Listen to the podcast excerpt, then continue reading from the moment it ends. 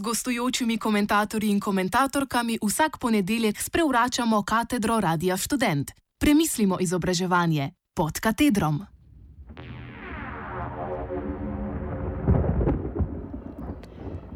Za odgovornejše razumevanje univerzitetne avtonomije.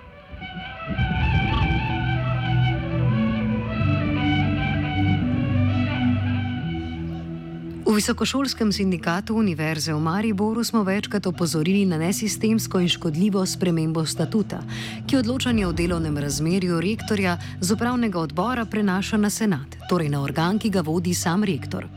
To spremembo po rektorjevem predlogu urinejo v sicer potrebne uskladitve statusa z novelo zakona o visokem šolstvu. Je bi vodstvo univerze izsililo z neprepričljivo grožnjo, da bo v primeru, če statut ne bo potrjen, do 15. junija ogroženo financiranje univerze. V resnici je prav nasprotno. Podpis pogodbe z univerzo bi lahko bil in bo lahko vprašljiv, če univerza ne bo imela legitimnega zastopnika. Zato pričakujemo, da se ministrstvo kot predstavnik ustanovitelja ne bo omejevalo na nečelne opredelitve, ampak bo v vprašljivih primerjih, kakršne so omenjene določbe statuta, dejansko ukrepalo. Thank you.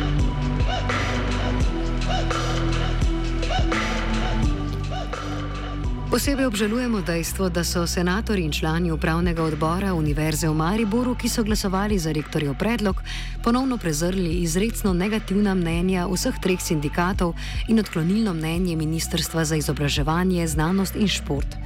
Je res smiselno, da prihodnost univerze v taki meri povezujemo z vprašanjem vodstvenih funkcij? Je vloga rektorja in drugih univerzitetnih funkcionarjev res pomembnejša od vsebine našega dela?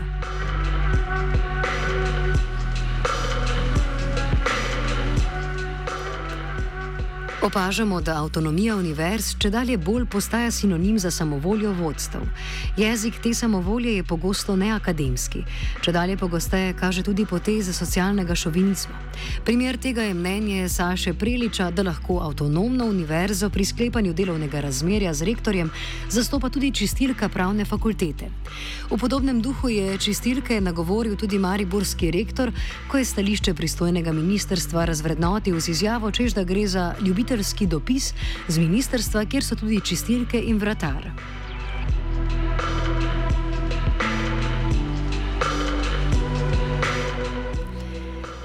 Ker preteklo in trenutno vodstvo nista izkazala pripravljenosti za socialni dialog, so bili delavki in delavce Univerze v Mariboru prisiljeni svoje osnovne zakonske pravice uveljaviti prek sodišč in inspekcijskih postopkov. Tudi zato se na institucije pravne države zanašajo bolj kot na avtonomijo univerz. Univerza v Mariboru bo morala ravno v teh dneh po dolgotrajnem pravnem boju z Visokošolskim sindikatom Slovenije svojim zaposlenim izplačati 4,5 milijonski dolg nezakonitih prikrajšanj krajšam pri plačah in zamudne obresti.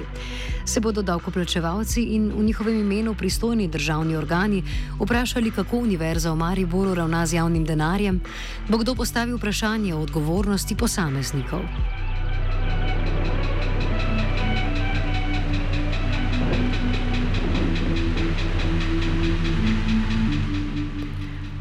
Ob globokem razočaranju nad celotno vodstveno ekipo Univerze v Mariboru si bomo v Visokošolskem sindikatu Slovenije še naprej prizadevali za spoštovanje dostojanstva vseh poklicnih skupin in posameznikov, ki sestavljajo univerzitetno skupnost, za avtonomijo poučevanja, raziskovanja in umetniškega ustvarjanja in za dosledno spoštovanje zakonodaje. Vsa univerzitetna skupnost je zavezana delu v korist prebivalcev Republike Slovenije, torej dolgoročno koristni znanosti in posredovanju znanja. Zato upravičeno pričakujemo, da bo prihodnja visokošolska zakonodaja jasno določila družbeno nalogo univerz in prispevala k bolj odgovornemu razumevanju univerzitetne avtonomije.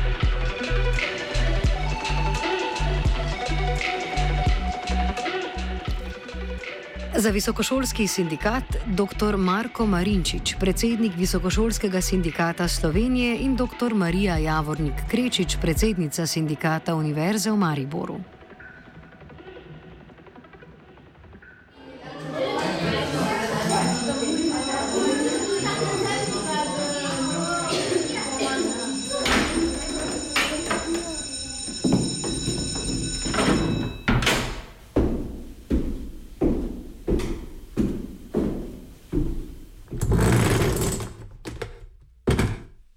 Gostujočimi komentatorji in komentatorkami vsak ponedeljek sprevračamo katedro Radia Student. Premislimo izobraževanje pod katedrom. Jo, jo, jo, Radio Student.